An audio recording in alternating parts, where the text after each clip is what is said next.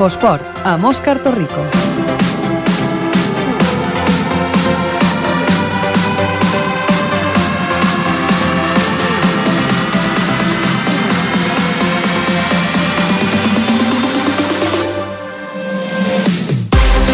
Molt bona tarda, les 7 i 6 minuts de la tarda. En aquest 20 d'octubre del 2014 encetem un nou programa de l'Infoesport, el programa de l'actualitat esportiva aquí a Ripollet Ràdio. Aquesta setmana, doncs, amb disparitat de, de notícies, notícies bones per a alguns equips i no tan bones per a d'altres. Us ho explicarem tot eh, el que ha donat de si el cap de setmana esportiu pels equips d'aquí de, de Ripollet i, com sempre, començarem fent-ho amb el repàs dels marcadors.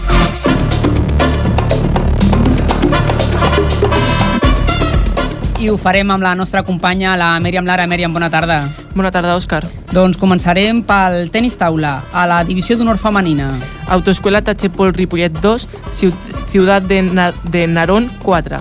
Tot i que Júlia López va sumar el primer triomf, el conjunt gallec es va emportar els tres partits següents, posant contra les cordes a les ripolletenques. La pròpia Júlia López va tornar a ficar l'equip amb, amb opcions, però Berta López, tot i estar molt a prop de forçar el desempat, va caure derrotada al sisè partit. Anem al tenis taula masculí, a la primera divisió nacional. Club Tenis Taula Ripollet 5, Sant Jordi d'Eivissa 1. Els nois van sumar la tercera victòria en tres partits i comparteixen el liderat amb el Vic.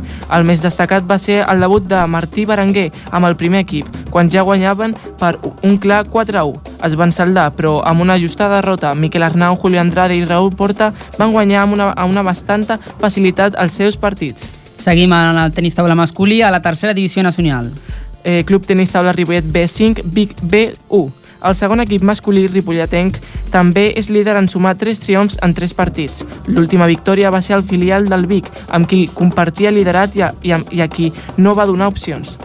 Ara passem al futbol, al futbol masculí, a la segona divisió catalana. Club Futbol Ripollet 2, Sarrià 2. El Ripollet va deixar escapar dos punts que havia guanyat en l'últim moment, tot i jugar contra 9, 9 homes els últims 12 minuts de partit. En un, fi, en un final elèctric i jugant contra 9 homes, l'equip de David Ortiz, Ortiz va encaixar dos gols que li van permetre sumar només un punt. Tot i l'empat, el Ripollet es manté líder. Baixem una categoria en futbol a la tercera catalana. Penya Deportiva Pajaril 2, Mirasol Baco 0. Eros Blanco va, va obrir el marcador a l'inici de la segona meitat i Rubén Cárdenas va sentenciar en l'últim minut per donar-li al, pa al Pajaril la tercera victòria seguida a casa. L'equip de Javier Varela se situa quart a la classificació, a només 3 punts del, del líder, el Barberà. Un altre resultat de la tercera catalana de futbol. Candeu 1, Escuela Futbol Base Ripollet 1. L'escola segueix sense perdre com a visitant. Lluny del camp de l'Industrial, suma 8, 8 dels 18 punts, dels 12 punts que té i que la situen en la setena posició de la classificació. Adrián va avançar a l'escola a la segona meitat, però els del Sabadell van aconseguir el definitiu empat. Baixem una nova categoria en el futbol masculí a la quarta catalana. Roureda 3, Can Mas Ripollet 1. El Can Mas va, es va avançar amb un gol de Rubén Martínez, però en 3 minuts. Els locals li van donar la volta al resultat abans del descans. A la segona meitat, el Can Mas va, va buscar l'empat, però va acabar amb 9, amb, amb 9 jugadors i un altre gol en contra en l'últim minut. L'equip és de ser a la classificació. Seguim en futbol, però amb el futbol femení, a la segona catalana femenina. Escuela Futbol va ser Ripollet Femení 1, Sant Cugat B5. Una escola amb només 10 jugadores va ser capaç d'avançar-se al marcador amb un gol de Judit als 6 minuts, però va veure com, a, amb el pas dels minuts, li, anava, li anaven caient gols en contra. L'equip tanca la classificació amb 3 derrotes en 3 partits. I un altre resultat en aquesta segona catalana femenina. Sabadell B3, Club Futbol Ripollet Femení 0. Les noies del Ripollet tampoc han sumat cap punt encara. A Sabadell, en, en el segon partit de la temporada, van encaixar dos gols en 5 minuts fatídics a l'inici de la segona part i no es van poder sobreposar. Així també es queden a la cua de la classificació. Anem cap al futbol sala, futbol sala masculí, a segona divisió nacional B, la categoria de bronze. Futbol Sala Ripollet 3, Marfil Santa Coloma B4. Tercera derrota de Ripollet Futbol Sala en el que porta de temporada. Do, dos, els que ha perdut fora de casa i l'últim al, al pavelló Joan Creus. Els dos primers gols van ser d'Antoni Ortega i l'últim de Manel. Tercera nacional del futbol sala masculí. Manlleu 10, Futbol Sala Ripollet B2. L'equip l'equip es va ensorrar en el tram final de la primera part i va sumar la quarta derrota en 5 partits. Així es manté en posicions de descens, a la penúltima posició de la classificació. Baixem més cap a baix les categories del futbol sala a la tercera catalana. Futsal Can Mas 3, Castellnou 0. Dos gols en els primers 3 minuts de partit van encarrilar el segon triomf en dues jornades per al fut futsal Can Mas. L'equip, que no ha encaixat cap gol, vol mirar cap a l'ascens des del bon principi de temporada. En futbol sala femení, a la divisió d'honor catalana, un resultat ripolletenc. Altafulla 2, Ripollet Futbol Sala, Can Clos 1. Les noies d'Ivan Beas es van deixar el liderat en la, en la seva visita a l'Altafulla. Tot i fer un bon partit, el Can Clos va, sum, va sumar la primera derrota després de 5 jornades. Rocío Arbona va igualar molt ràpid el primer gol de, de, les, de les locals, però el segon, a la meitat del segon temps, ja no va tenir resposta ripolletenca al marcador, tot i les ocasions per l'empat. Passem ara a l'handbol, a la tercera divisió catalana preferent. Handbol Ripollet 37, Sant Quirze C 28. Segon partit a casa i segona victòria per als ripolletens. L'equip de Santí Llop és 6è a la classificació. I seguim amb bàsquet, a la primera divisió catalana masculina. Badalones 82, Club Bàsquet Ripollet 73. El primer equip del Ripollet cau derrotat contra l'invencible líder de primera catalana. Una derrota lluitada pels de, pels de Ripollet que es posicionen cinquens amb amb 3 victòries i dues derrotes jugades. Seguim amb el bàsquet masculí a la tercera catalana. Escola, Escolapis Sarria 93, Club Bàsquet Ripollet B 55. Els ripolletens sumen la seva tercera derrota pel que fa de temporada. Al igual que el, sen el seniorà, el segon equip es va enfrontar al líder, on es va veure totalment derrotat. L'equip és de C a la classificació. Seguim amb bàsquet masculí, ara a la categoria territorial de Barcelona, la més baixa. Club Bàsquet l'Ametlla B 83, Club Bàsquet Ripollet C 81. Derrota molt ajustada que es decanta pels locals en els últims moments del partit. El tercer sènior del Club Bàsquet Ripollet suma la seva primera derrota en territorial i es posicionen novens. I un altre resultat a la territorial masculina també. Club Bàsquet Roda 58, Club Bàsquet Gassó de Ripollet 45. Els del Gassó segueixen amb la mala ratxa des del principi de temporada i sumen la seva quarta derrota consecutiva. Amb aquest últim partit es posicionen dotzents a la taula. I acabarem ja amb el repàs dels resultats amb la tercera catalana femenina, amb dos resultats. Club Bàsquet Ripollet femení 56, Unió Esportiva Horta 69. Les noies del Ripollet es van enfrontar a l'equip líder de tercera, un equip en, amb nivell de primera catalana. El resultat no reflecteix el molt bon partit que van fer les ripolletenques que van estar igualades amb el líder fins als últims 3 minuts de partit. L'altre resultat?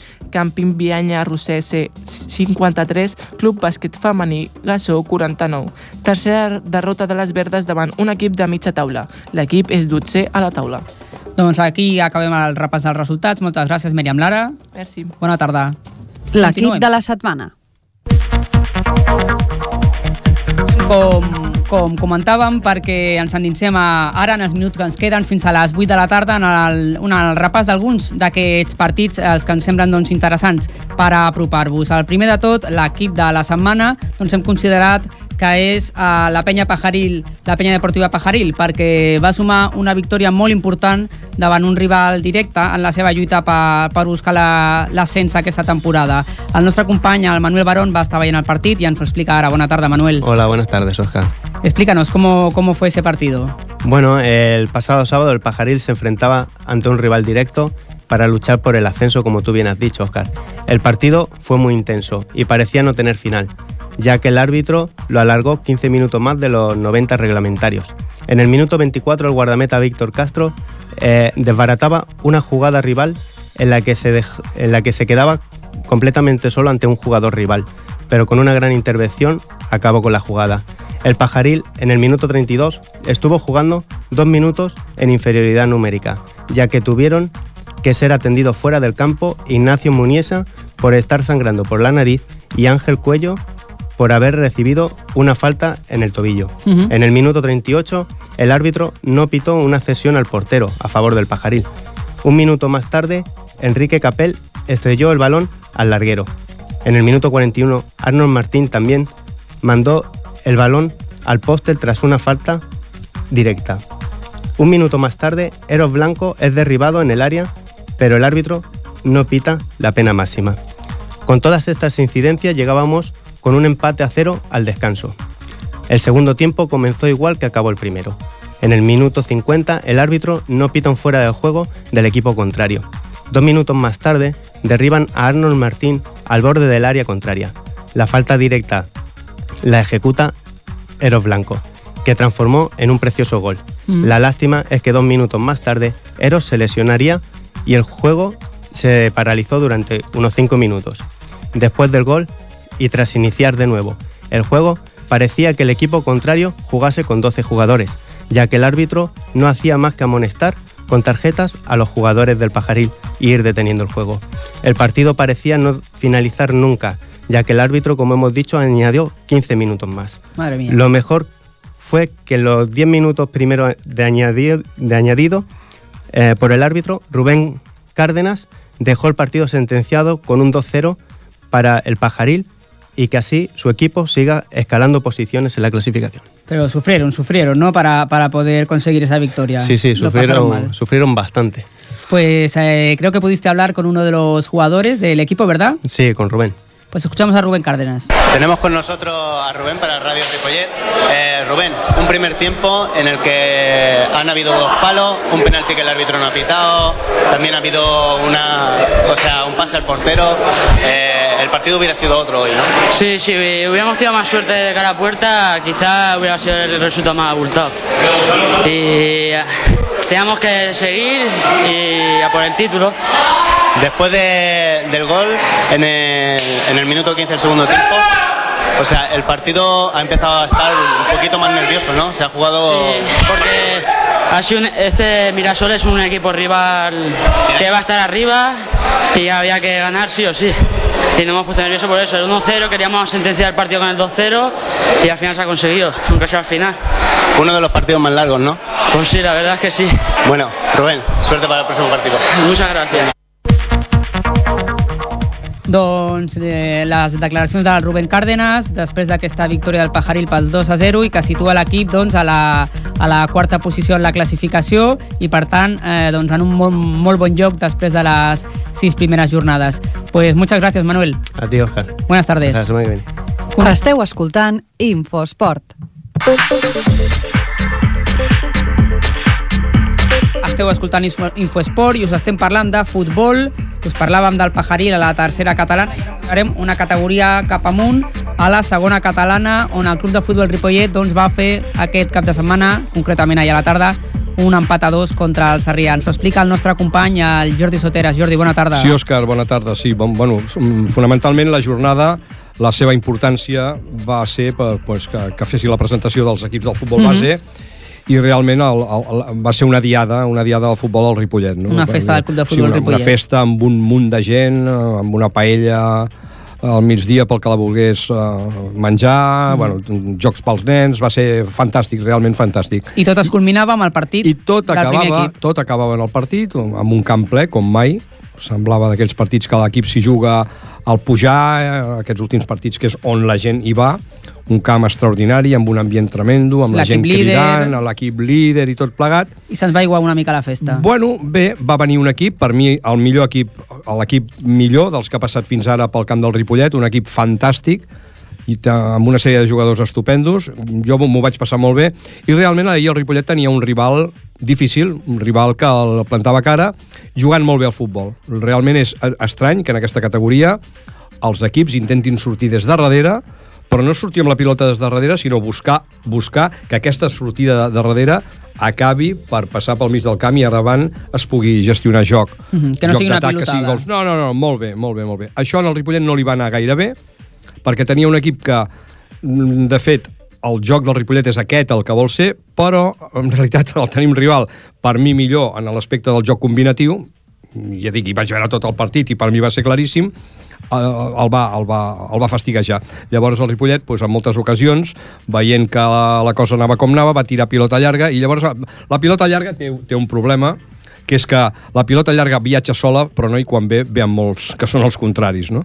De totes maneres, al minut 5 el Xema va marcar un gol fantàstic, però curiosament, al cap de res, de poc, a l'equip perd una miqueta la, la, la, la forma de jugar, perd, perd la confiança, el rival s'hi posa bé, comença a jugar, comença a tocar bé la pilota i això va posar en dificultats. I curiosament, bueno, jo per mi hi ha una cosa que és molt clara. Ve un rival que juga fantàstic i amb un àrbit nefast, perquè els hi expulsa dos jugadors, expulsa l'entrenador... El minut 73 Home, és que- i 78 no I va realment, ser... veient d'una forma neutral, eh? si, si jo ho veig a favor de- d'un dels dos equips, ja no. Però si ho veig d'una forma neutral, que és com veig jo els partits aquests, sí, ah, és absurd que aquest equip es quedés amb dos jugadors menys, i curiosament, en el moment en què l'equip juga 11 contra 11, el resultat és 1 a 0, i el resultat, en el moment en què se'n va un, dos jugadors, i, i inclús l'entrenador fora, el resultat és d'1 a 2.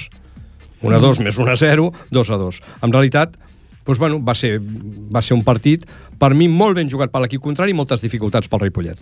Molt bé, doncs em sembla que tenim a l'altre costat del telèfon el tècnic del Club de Futbol Ripollet, el David Ortiz. David, bona tarda. Jordi, tot teu. Bueno, David, sobre todo, mm, yo creo que, que, bueno, en- el partido de ayer, más que, más que traer a un futbolista, yo creo que el ideal eres tú, ¿por qué? Porque ah, si fuese yo el entrenador del equipo, me gustaría que hubiese sido yo. y en este caso, un poco... me necesitáis, ya sabéis que, que Sí, estoy no, aquí, sí, eh, pero al margen de esto es que yo creo que, que era bueno que hoy hablases, más allá de que lo hayas hecho dos veces más. Día grande para el Ripollet porque era la presentación, sí, de este Sí. nuevo pro- proyecto que empezáis y tal. ¿Qué tienes que decir a ello? Bueno, yo creo que fue un, día muy especial, ¿no? Es nuestra segunda temporada aquí y la segunda presentación que vivimos desde dentro y la verdad que, que, que el club no para de crecer. Esto es un, eh, un día a día, pero el club eh, crece a pasos agigantados y cada vez eh, en, en estas presentaciones hay, hay una, una afinidad de, eh, brutal entre público y club, hay mucha más gente, la gente se vuelca con, con esta presentación, con los niños, con los jugadores de fútbol base, con el primer equipo en este caso también, y la verdad que, que la verdad que es, es el segundo año de un proyecto muy ilusionante, tanto para el fútbol base como para el primer equipo, y, y la verdad que muy contentos, ¿no? Pero tanta fiesta no, no puede relajar un poco justo antes del partido. Bueno, ellos ya me conocéis, eh, no seré yo el que coja como excusa el jugar a las seis y media o el, o el tener que jugar eh, después de la presentación y menos con, con casi 600 personas. Creo que eso no puede ser una excusa, ¿no? Sí que verdad que puede estar más o menos habituado, pero a nosotros nos gusta estar con nuestra gente y no creo que tenga nada que ver eh, empatar ahí el partido, que, que bueno, que fue una desgracia al final, eh, porque que, que creo que, hicimos méritos suficientes, aunque como dice Jordi, el rival es un rival fuerte, aunque acaba de ascender, es un rival con que lleva ocho años trabajando juntos, que tiene un entrenador muy experimentado, eh, pero creo que, que bueno, que quitando la parte final del partido en que tenemos ese, ese descontrol, nunca hemos jugado contra nueve y eso qui- quizás o no cuando no estás acostumbrado cuesta y, y la verdad es que creo que, que pudimos haber matado el partido y no fue así. Jordi. Sí, bueno, en, en realidad yo creo, David, como decía antes, no sé si lo has oído, para, para mí el, el rival era fantástico, es decir, tenía un medio campo tremendo, salían jugando desde atrás, jugar para crear situaciones, no, no, no, no pasársela por pasársela, no sé qué tienes que decir a ello. Yo para mí fue un rival fantástico. Sí, no, no, como tú bien dices, es un rival que, que tiene muy marcada su filosofía y que, y que intenta tener balón, pues como lo podemos tener nosotros. Lo que pasa que siempre habitualmente se le, se le, da más importancia a los de fuera que a los de casa, pero nosotros somos un equipo también que, que queremos tener balón, que, que, que somos partícipes, que, que sí que es verdad que combinamos el juego corto con el juego largo, porque los rivales eh, así lo, lo tenemos que hacer, y, pero sí, un rival que, que, que sabe hacer bien las cosas y no lo puso complicado, sí. ¿Qué pasó en los últimos en la fase final del partido, en donde vosotros acabáis haciendo, o sea, donde ellos marcan un gol, vosotros os ponéis 2-1 y al final ellos acaban empatando? ¿Qué bueno, crees que pues esta sucedió? es eh, la grandeza que tiene que tiene el fútbol, ¿no? Eh, para nuestra desgracia ayer en, eh, en contra. Pero bueno, simplemente creo que en el minuto 90 eh, marcamos, en el minuto 88 marcamos el 2-1 con gol de Iván, a balón parado. Creo que bueno que, que, el, tiempo se alarga por las expulsiones, ¿no? Porque el rival que cuando ya se veía por detrás, pues eh, con el empate ya le iba bien y fue perdiendo tiempo y eso quizá al final pues te perjudica, ¿no? Al equipo que quiere jugar, que quiere que, que quiere marcar, que no se conforma con el empate, que éramos nosotros, pues esas pérdidas de tiempo quizás luego se alargó demasiado el partido y, y sí que es verdad que aunque eran nueve jugadores eh, supieron trabajar bien la estrategia, aunque mejor dicho creo que no supimos eh, defenderla bien y fue un rechace en ese balón que, que podía haber caído para nosotros pero cae para el rival y, y con la uña la toca y no podemos hacer nada y entregar el gol, ¿no? Bueno, si es un empate, mm, no sabe mal por la gente, ¿no? No sabe mal porque hayamos marcado en el, en el 88 y no sabe mal por, por todos esos niños y, esto- y esos padres que habían venido a animarnos, que lo hicieron sensacionalmente bien y estamos orgullosos. Eh, pero bueno, es un punto más que nos acerca al objetivo. Yo siempre veo el vaso medio, medio lleno, perdón, y tenemos que sumar, ¿no? Tenemos que seguir sumando, tenemos que ir al campo de Bacho y sumar otra vez. Y, bueno, estas son anécdotas que, que pasan durante la temporada. Sí, estos son, estos son partidos. En realidad, realmente lo que estáis es arriba, vais do- dos puntos por encima y esto, esto David, es largo, largo y acaba Sí, de empezar. Sí, tú ¿no? sabes, tú sabes como yo, Jordi, que, que ni habiendo ganado ayer y colocándote a 4 o 5 puntos del segundo y a 7 de los, del resto éramos campeones, ni ahora nosotros vamos a, No, no, a está claro. ir. ¿no? Sí que es verdad que siempre cuanto más colchón tengas de puntos es mucho mejor. No, es es cierto que a todos nos gusta ganar siempre y perder nunca. Pero bueno, nosotros no nos fijamos en, en, en qué pasará, sino nos fijamos en qué pasa en el momento. Nosotros fijábamos en, en este caso en el CP Sarriá, no sabíamos contra quién jugamos la semana que viene, ahora sabemos que jugamos contra Dinamo Batlló, Claro sí. porque miramos el día a día, miramos, porque perder el tiempo en algo que no puedes tocar creo que, que es pérdida de tiempo y ahora pues centrarnos en Dynamic, eh, que es el rival siguiente, y centrarnos en mejorar, eso sí, mejorar cosas que tenemos que mejorar, recuperar a la poca gente que ya nos queda le- le- lesionada, Joan pues ya está con nosotros, empezamos ya a recuperar a toda la plantilla y la verdad que, que seguiremos trabajando. Bueno, yo creo que David, como siempre, lo has dicho todo, bien clarito. Y bueno, y y aquí, desde aquí, desde luego, ya sabes que deseamos que esto funcione y que subáis. Y sobre todo que tengas éxito. Eres un tío joven y ahí sí que tú te la juegas un poquito. Sí. Bueno, gracias por lo de joven, que ya tengo 32 años. Sí, para sí, ¿quién los pillara? ¿Quién los- no, no te digo los que tengo yo, mira. pero todo, todo siempre pasa, ¿no? Joven depende para quién, pero sí, nosotros Sí, ¿no? eh, intentamos ser claros siempre, tanto en el campo como fuera del campo, y, y lo que no haremos será poner excusas para nada. Muchos éxitos, David. Muchísimas Suerte. gracias. Gracias, David. Un abrazo, gracias. Un abrazo. Ojalá que no nos acordemos de estos dos puntos que se perdieron ahí en el descuento a final de temporada. No, porque la verdad no, es que eh, estas pequeñas cositas que se van perdiendo por el camino, luego a veces cuando dices, pues aquellos dos puntos que perdimos en un descuento, en tal, es, aquellos son los que nos ha faltado. Ojalá Pero- que no, ojalá que el equipo vaya muy bien, aunque nos engañaste la semana pasada, Jordi, nos dijiste Pero todos que este van a era el perder mejor- puntos. Que este era el mejor equipo de todos y ahora nos has dicho que Claro. te gustó mu- Va- mucho el rival, así que Bueno, bueno. Ojalá, ojalá, veremos buenos partidos, a ver si es cierto. muchas gracias, Jordi. De nada, Oscar. Buenas tardes. Buenas tardes. Infosport.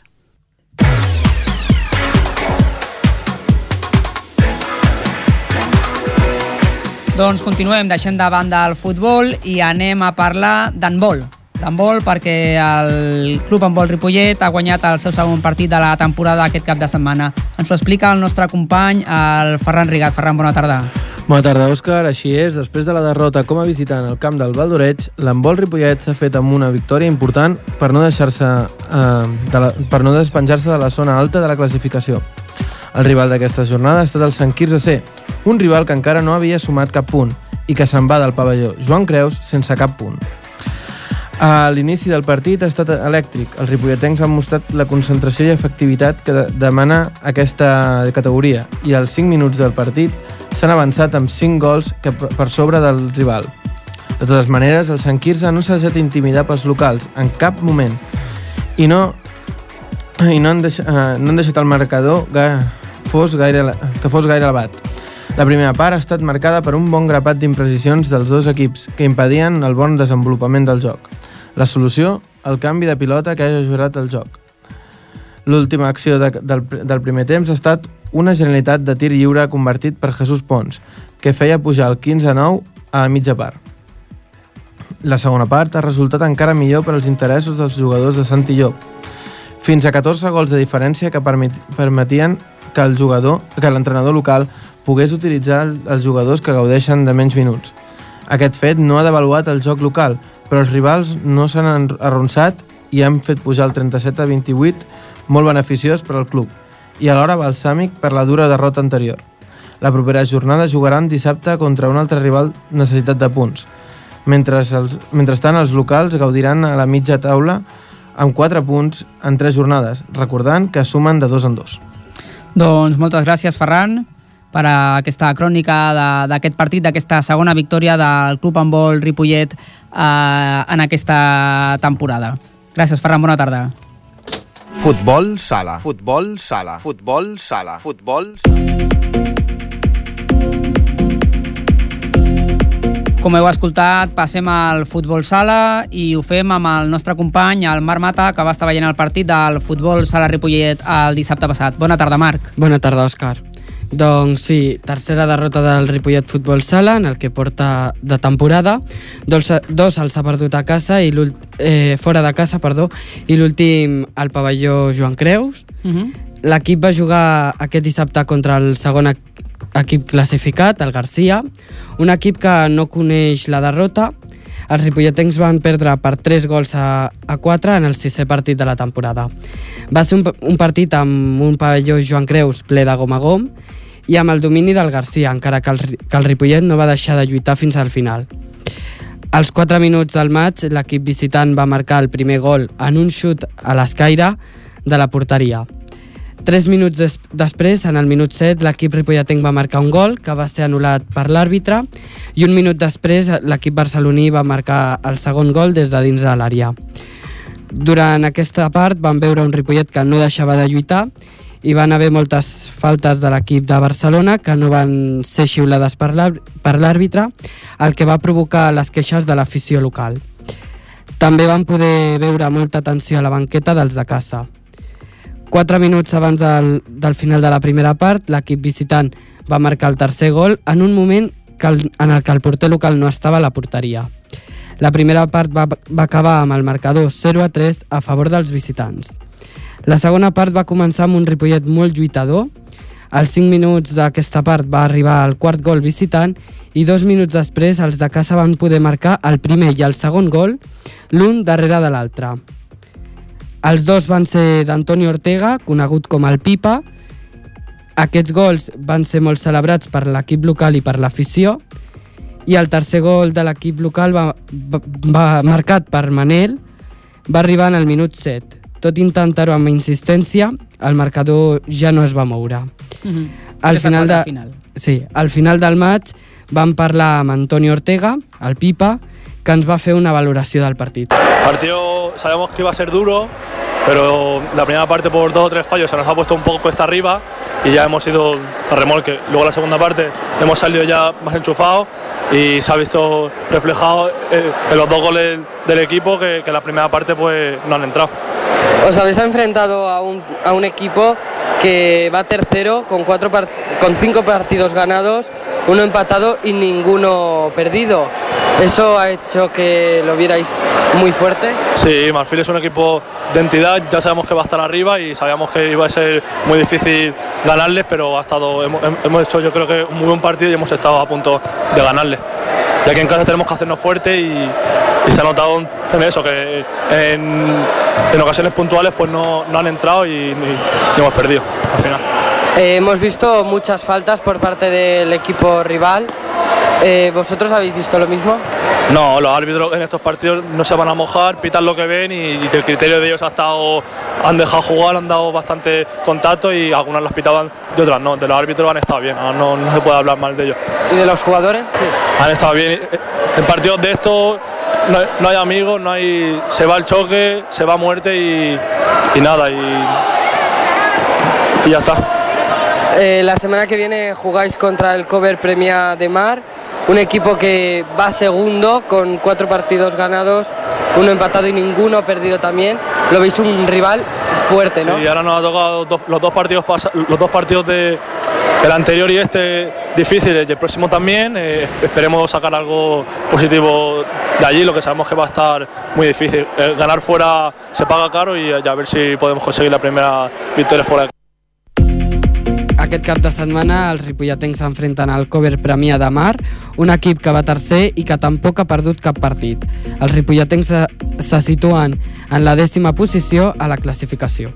S'ha de dir, Marc, que aquest inici de temporada del futbol sala Ripollet tenia un calendari doncs, complicadet, no? Ja ens comentaves sí. que, que el Premià que va segon doncs, a jugar la setmana vinent, però és que també doncs, han jugat eh, els, els quatre partits que no s'han guanyat són contra quatre, quatre dels cinc primers classificats, sí, és a dir, que, que aquest inici de temporada no era gens fàcil pel, pel futbol sala Ripollet. Doncs moltes gràcies, Marc. Moltes gràcies. Esperem que el Ripollet doncs, segueixi sumant victòries. Fins després.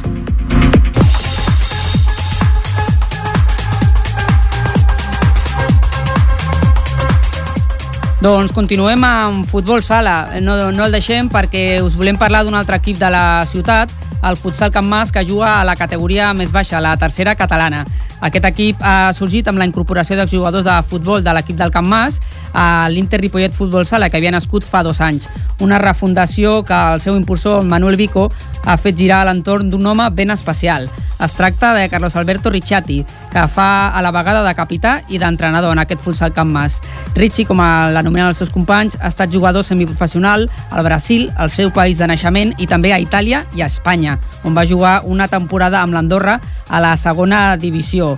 Eh, Carlos Alberto Ricciotti eh, va, ens va parlar d'aquesta manera sobre el partit que, com us havíem parlat en el repàs del marcadors, va acabar per 3 a 0 a favor de, de l'equip ripolletec. Escoltem al Carlos Alberto Ricciotti.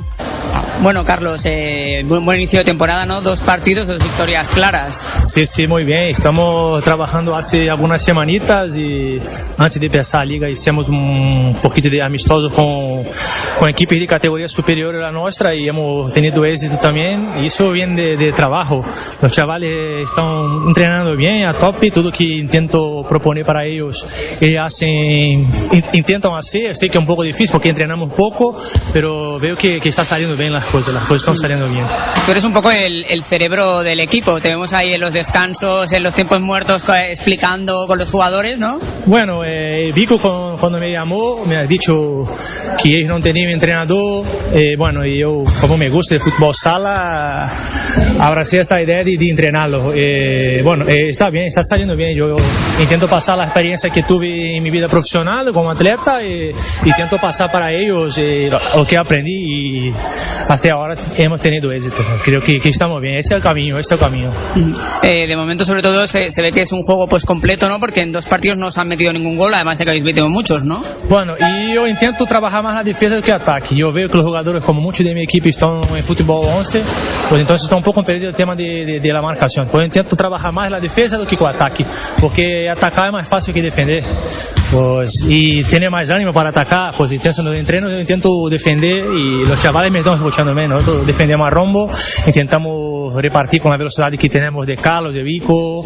São jogadores muito rápidos que podem fazer dano em, nada. Estamos defendiendo bem. Isso é a defesa. Quem defende bem ataca bem.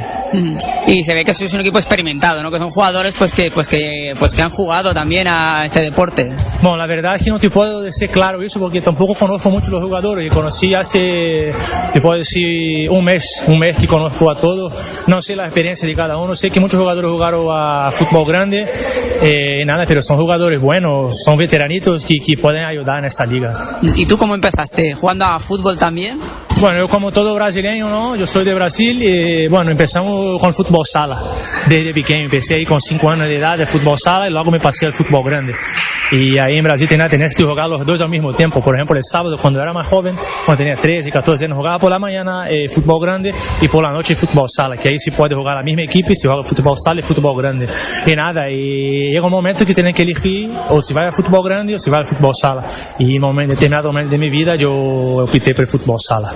¿Por qué? ¿Qué tiene el fútbol sala que engancha? Porque a muchos jugadores les pasa, ¿no? Los vemos que siguen pues jugando, aunque sean estas categorías que es la más baja, ¿no? Pero siguen jugando y no quieren dejarlo. Bueno, te digo es, el fútbol sala tienes más emoción, que a cada momento tú tienes el balón en el pie.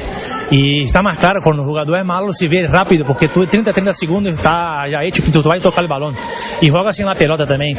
Y a cada momento puede tener una emoción en partido, que el partido hasta que no se acabe, hasta un partido que jugaba un amistoso aquí con la equipe de, de primera catalana, que ganamos de 3-2, faltaba 5 segundos para acabar el partido y, y íbamos 2-2 y al final marcamos 3-2 y ganamos. El fútbol sala te da esa emoción, que a, a, no acabar el partido puede pasar de todo. Por eso que el fútbol sala creo que da más emoción que el fútbol grande. Está ahí un lateral derecho, está, no toca la pelota 5 minutos sin tocar la pelota, aquí no no tiene eso, tiene que tocar la pelota sí o sí. eh, por eso tú también, por, ¿por qué has decidido pues meterte en el equipo? ¿Qué es lo que te llevó a decir, pues sí, quiero, quiero estar aquí? Bueno, te digo más porque yo paré de jugar profesionalmente, pues entonces estoy viviendo en Sabadell y bueno, estoy por aquí, como no estoy jugando más profesionalmente, pues conocí al Vico, fui a tomar un desayuno en, en, su tienda y me llamó y me gusta, soy enamorado de fútbol sala y nada, y estoy muy contento con los chavales, la verdad que estoy muy contento en poder ayudar y crecer a, a, a, más futsal. ¿Cuál creéis que es el objetivo que podéis tener? ¿Os planteáis algo o no? ¿O no pensáis en, en, el, en ningún objetivo? Bueno, yo te digo la verdad que el Vico me ha dicho que como él también le gusta mucho el fútbol sala, el objetivo es siempre ganar y intentar subir. Creo que venimos haciendo un trabajo bueno y creo que podemos poco a poco, si seguimos así con esa mentalidad, podemos subir a, podemos subir de categoría. Es decir, que no descartáis poder subir, ¿no?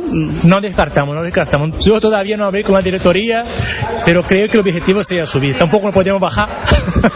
Sí, sí, eso es seguro, ¿no? Seguro, si bajar no podemos. Entonces, el objetivo es subir. Creo que es subir. Tenemos que subir. Creo que esa categoría, como es, es la más pequeña, la última división, creo que ni todos entrenan como podemos entrenar nosotros, como venimos entrenando. Pero yo todavía no conozco todo el equipo, pero creo que podemos encontrar alguma equipe que se joga cerradito, que pode dar um pouco de dificuldade. Até a hora encontrar uma equipe que, que se vê claro que são inferiores a nós outros, pelo, não porque individualmente, mas pelo trabalho que estamos fazendo, porque cada um dá o suyo dentro de campo. Isso que tento passar para, para os companheiros. Doncs moltes gràcies al Richie, al Carlos Alberto Ricchiotti, que, que està aquí al capdavant del futsal Can Mas, del que us anirem parlant també la resta de temporada. De moment, dos partits, dues victòries. Passem a un altre esport. Passem al tenis taula ara. Ho fem amb el nostre company, el Brian Calvo. Bona tarda, Brian. Bona tarda, Òscar. Cap de setmana l'autosclat a Xepol Ripollet eh, parlem del tenis taula femení a la divisió nord femenina grup 1 ha perdut 2 a 4 davant el CIDA de Narón és la segona jornada que disputen i dos punts guanyats per la Júlia López és el, el, el que s'emporta l'equip.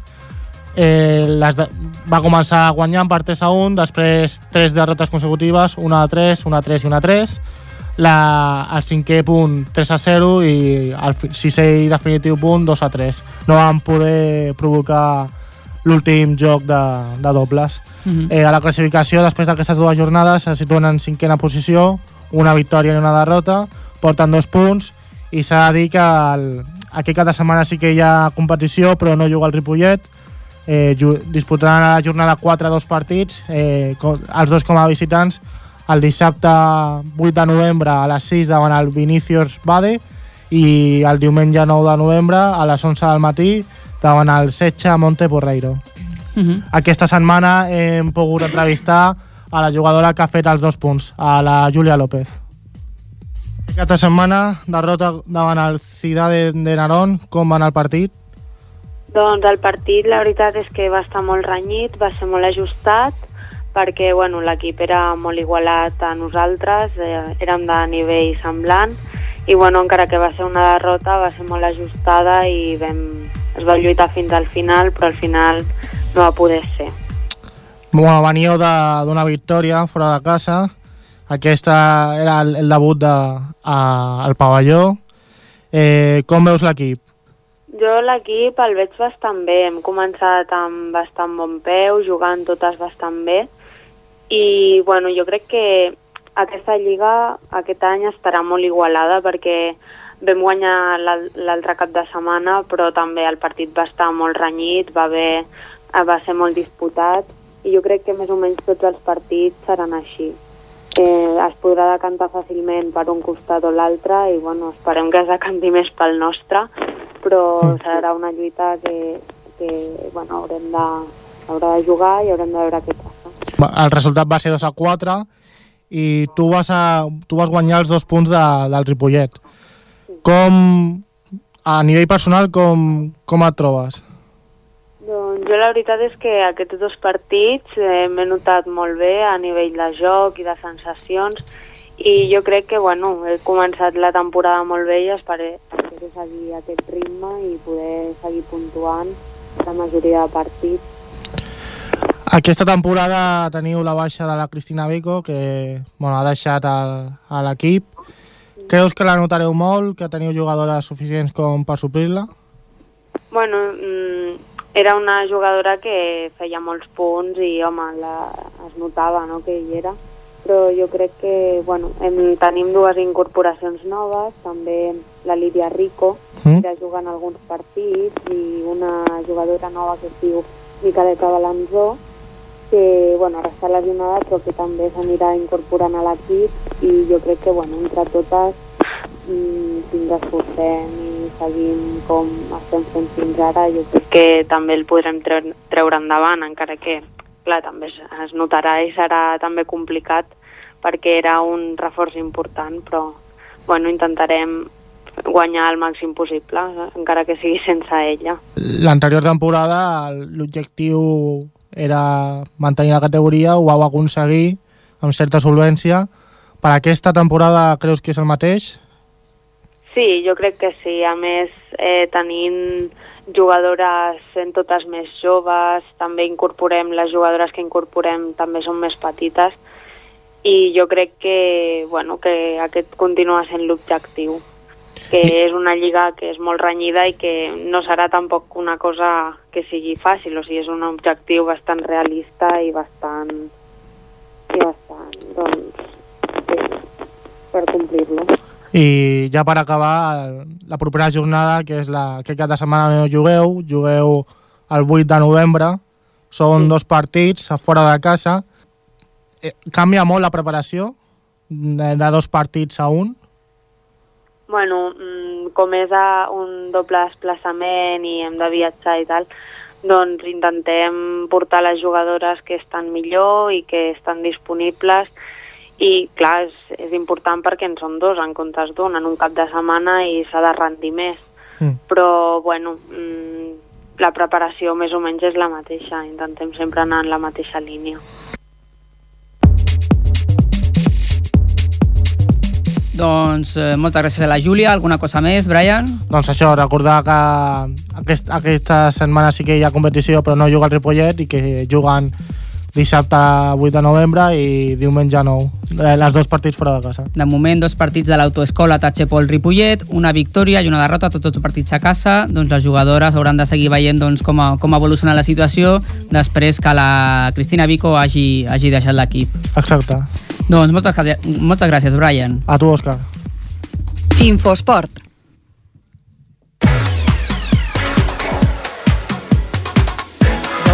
Doncs deixem el tenis taula de banda i ens anem cap al bàsquet, perquè la nostra companya, l'Ester Catalán, ens explicarà com va anar el partit del Club Bàsquet Femení Ripollet d'aquesta setmana. Bona tarda, Esther. Bona tarda, Òscar. Doncs com ja hem dit abans, derrota a casa del Club Bàsquet Ripollet Femení contra la Unió Esportiva Horta.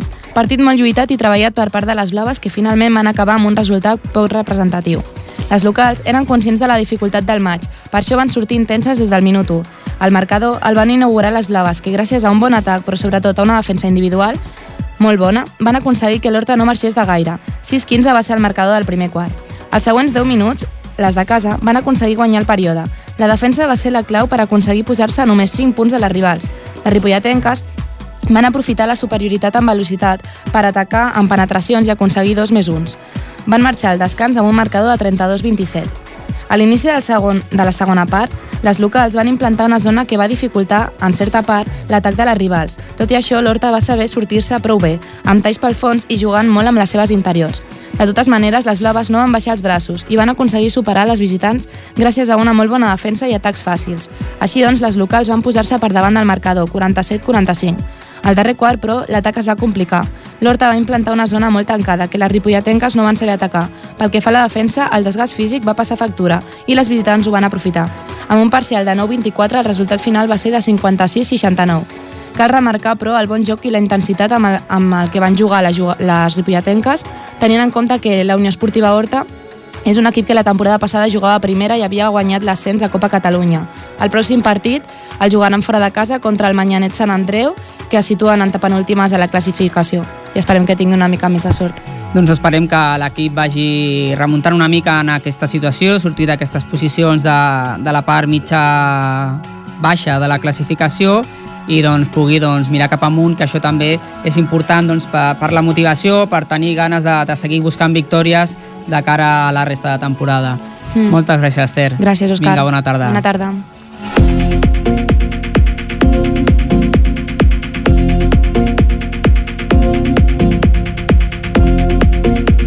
Doncs deixem el bàsquet i ara tenim aquí una altra vegada amb nosaltres el nostre company, el Marc Mata. Marc, bona tarda. Bona tarda de nou, Òscar. Que ens parlarà de la caminada Ripollet, Tibidabo-Ripollet, que es farà aquest proper cap de setmana, oi? Doncs sí, el Centre Excursionista Ripollet organitza l'octava edició de la caminata Ripollet-Tibidabo, que es farà el proper diumenge 26 d'octubre.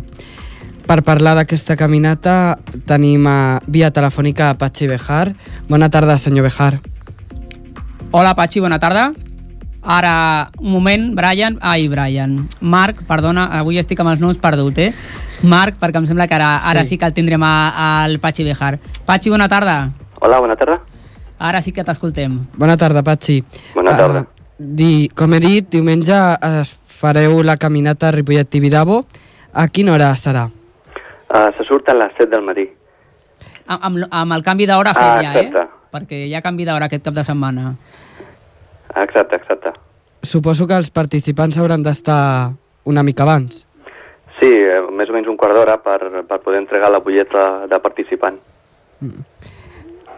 Com es pot fer la inscripció? Uh, fonamentalment, comencem a partir de demà al Centre Cultural de Ripollet, a les tardes de, de les 7 a les 9, personalment anant-hi, o si no, eh, es pot entrar a través de la nostra pàgina web, que és centreexcursionistaripollet.com, i fer la inscripció via telemàtica. Uh, quants participants teniu ja? Uh, bueno, és que encara no hem obert la participació presencial, però esperem, si segueix com l'any passat, amb les perspectives que tenim, arribar a gairebé uns 400. L'any passat vau estar, vau estar al voltant d'aquesta xifra, no?, de 400. Sí, una mica per 387. Mhm. I sobretot la, les inscripcions al moment en què, en què es pos, us poseu aquí al Centre Cultural és quan la gent més us ve, no? Imagino a inscriure's ja en aquesta última setmana. Ah, exacte, exacte. La gent sempre espera a veure que la previsió del temps. Mm, això és important, no? I què, què ens diu la previsió del temps? Doncs pinta bé, pinta sí? bé. Eh, pot arribar fins a 22, 23 graus i no fa pluja. És el veranillo de Sant Miguel aquest, que Ah, fins a quan s'allarga, perquè eh, estem ja gairebé a, al novembre i no, no, no deixem aquest mig estiu. Marc, No, no. continua. Mm, I el preu de, de quan és? Uh, pels no socis del centre excursionista són 12 euros i pels socis són 10. I això inclou uh, un got reutilitzable que han de portar, una samarreta tècnica, els avituallaments i un pica-pica a l'arribada. Mm. Uh, de totes les edats poden participar? Sí, sí, sí, sí. De fet, l'any passat el, el participant més jove tenia 8 anys. Déu-n'hi-do. I ho ha fet tot, eh? Són I ho 24 va fer tot. quilòmetres? I, I el més gran, 82. I 26 quilòmetres són? Sí. 26 quilòmetres, eh? De 8 anys. Déu-n'hi-do. Sí, sí, i ja et dic, i per una altra banda tenim el participant més veterà que tenia De 82. 82 també, Sí, sí. déu-n'hi-do. Però bueno, hi ha gent gran que, li, que, bueno, que això ja ho, ho va acumulant durant l'any, que camina molt, eh? Aquí es baixen allà al riu i es posen a caminar i es van preparant per aquestes, per aquestes cites que, que els hi prepareu des del centre excursionista de Ripollet. La veritat és que sí, estem molt contents perquè la gent és, és molt fidel, tant amb aquesta com amb la del Montserrat. Mm, que és també doncs, molt sonada entre la gent i la gent l'està esperant molt durant l'any. Marc, alguna cosa més? Jo, de moment. Jo et preguntaria, eh, Patxi, quanta gent mobilitzeu per, per preparar doncs, el que és tota la sortida, la gent que ha d'estar al- als, als controls, amb la preparació de l'avituallament... Normalment, eh, i enguany tenim previst unes 45 persones. 45 persones. déu nhi eh? Totes formen part del centre excursionista o Sí, totes, busqueu voluntaris de- d'en fora? No, totes, totes, totes. déu nhi Quants socis teniu al centre? Ara mateix, 202. 202 socis. Uh -huh. I explica'ns una mica, feu sortides també durant l'any, no? Aprofitem ja que fiquem la falca, perquè Exacte, ja ens fiquis sí. tota la falca Fem- de l'any sí, i ens una expliquis sortida una cada miqueta com, com funcioneu i, i, i qui, pot, qui pot participar en aquestes sortides. En, en principi, qualsevol persona. Mhm. Estan obertes a tothom, sigui de- soci o no sigui soci. No han de ser socis, per això No, et deia no, no, que feu una sortida mensual Sí, sí, sí, sí, sí. Anem seguint un, un sender de, de gran recorregut. Mhm. Ara ara estem fent el camí dels bons homes, el Mhm. dels càtars. Sí, sí, una ruta fantàstica. Sí, sí, sí, sí. Intentem fer això, sempre intentar una mica sortir del, del més proper, no, a Pirineu per Pirineu i aquestes zones. Molt bé, doncs moltes gràcies, Patxi. I bueno, animem a tots els oients, veritat Marc, a que, a que s'apuntin aquesta setmana. Recordem eh, els horaris eh, que, que estaran per poder apuntar-se. Sí, recordem que tota la informació la poden trobar... Bueno, perdó, que la inscripció la poden fer a info arroba centreexcursionistaripollet.com i també hem vist que teniu un telèfon en cas que n'hi haguessin incidències durant la caminata, oi? que és el, el telèfon del, del nostre centre excursionista, centre que també es pot trobar a la pàgina web. Sí, que reco recordem quin és, el, 6, el 622 530 450. I sobretot aquí la, la inscripció que a, a, a peu de, de persona, la inscripció personal cara a cara, tu a tu, que es farà aquí al centre, al centre cultural, ens has dit de dimarts a dijous, De de, dimarts, 7 a de, 9. de dimarts a divendres, De dimarts de a 7 a 9, divendres, de 7 a 9. i el dissabte de 10 a 1 del migdia. Pels últims que, que no s'hagin recordat, Justa. el dissabte al matí, no? Teniu una, la paradeta encara muntada. Doncs moltes gràcies, Patxi, i que vagi molt bé. Gràcies a vosaltres. Vinga, parlem. Adéu. Adéu. Doncs eh, acomiadem el Patxi, que era el nostre últim convidat d'aquest programa. Moltes gràcies, Marc.